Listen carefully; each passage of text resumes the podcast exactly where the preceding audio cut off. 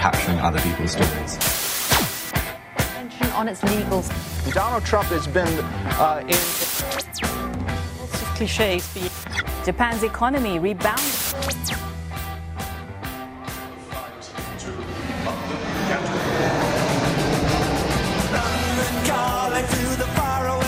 John Carlin, bon dia. Bon dia, Roger, què tal? Com va la vida, John? Molt bé, molt bé. Um, no sé si tenies previst tu uh, anar al Mobile World Congress, si t'han canviat els plans aquesta setmana. Bueno, yo no iba a ir, pero, pero creo que le ha complicado la vida a bastante gente, especialmente los dueños de restaurantes y hoteles. Mm. No només, eh, perquè, eh, evidentment, aquí hi ha transport, eh, hi ha molts més actors implicats, fins a 500 milions d'euros deien que deixava la ciutat de Barcelona eh, l'impacte econòmic del Mobile World Congress. Eh, John, Se un... de, de, de 20.000 personas, ¿no? 20.000 empleados también afectados, de cierto modo, ¿no? Algo así. tu trobes una exageració, tot això, tota aquesta cancel·lació, John? Mira, a ver, yo creo que con este tema de, del coronavirus, eh, una vez más, eh, la humanidad ha sucumbido a, a una histeria desproporcionada.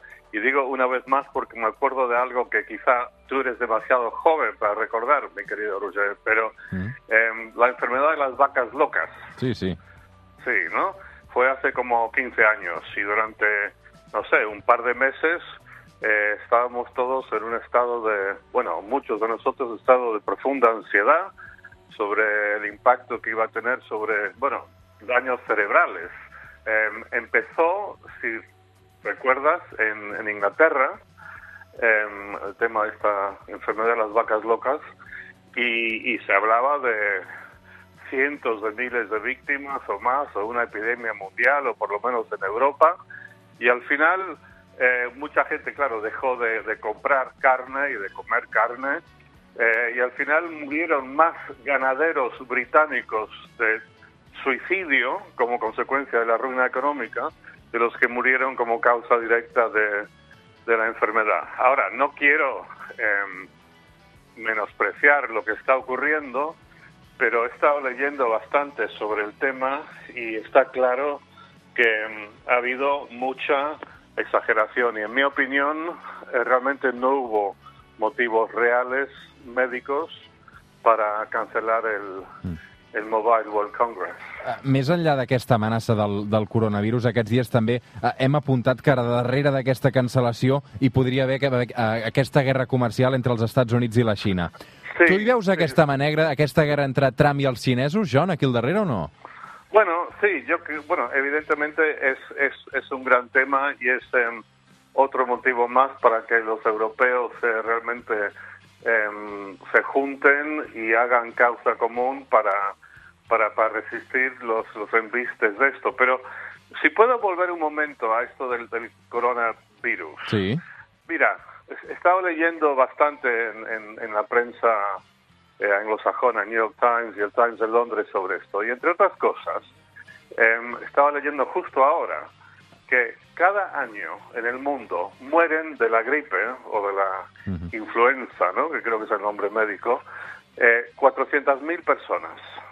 400.000 mueren de esto. Ahora, la gripe la tenemos siempre, y tú y yo y todos sucumbimos a la gripe de vez en cuando, y hay un porcentaje de gente, efectivamente, que sí, que muere. Pero, o sea, la, la lógica de esto debería ser de que, de que si 400.000 personas mueren al año de, de gripe, pues entonces nunca celebramos un Mobile World Congress, nunca vamos a un partido de fútbol, nunca salimos prácticamente de casa.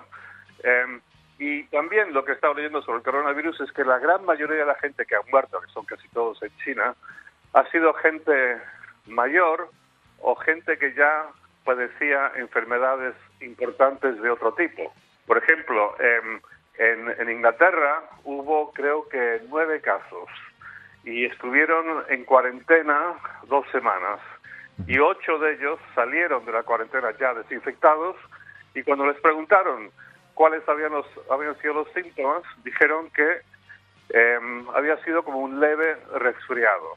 Con lo cual, eh, es posible que, no sé, que yo o que tú em, nos contagiemos de esto, pero la posibilidad de que suframos realmente consecuencias graves, incluso si tuviésemos la mala suerte de, de que sucumbamos a esto son bastante limitadas. Con lo cual, como digo, es una vez más es una tendencia que tenemos la, la, la humanidad a ponernos muy histéricos a la, a la primera. Por cierto, hablando de vacas locas, ¿te puedo contar un chiste? Vinga, va.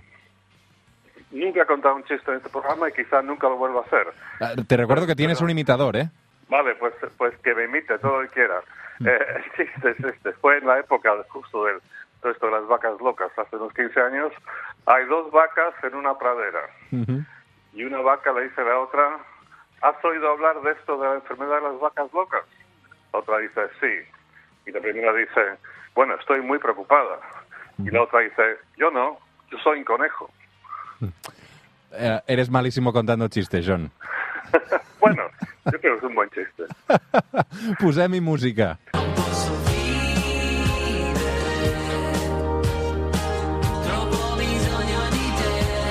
Avui l'humorista John Carlin eh, arribarem amb ell a les 9 del matí amb aquesta cançó que es diu Telèfono, dels Fènix. Eh, John Carlin, una abraçada. Ens retrobem eh, allà on calgui, si cal a la Xina, perquè eh, és evident que, que, que, que n'hem fet un gramassa una mica de tot el que ha passat aquests últims dies.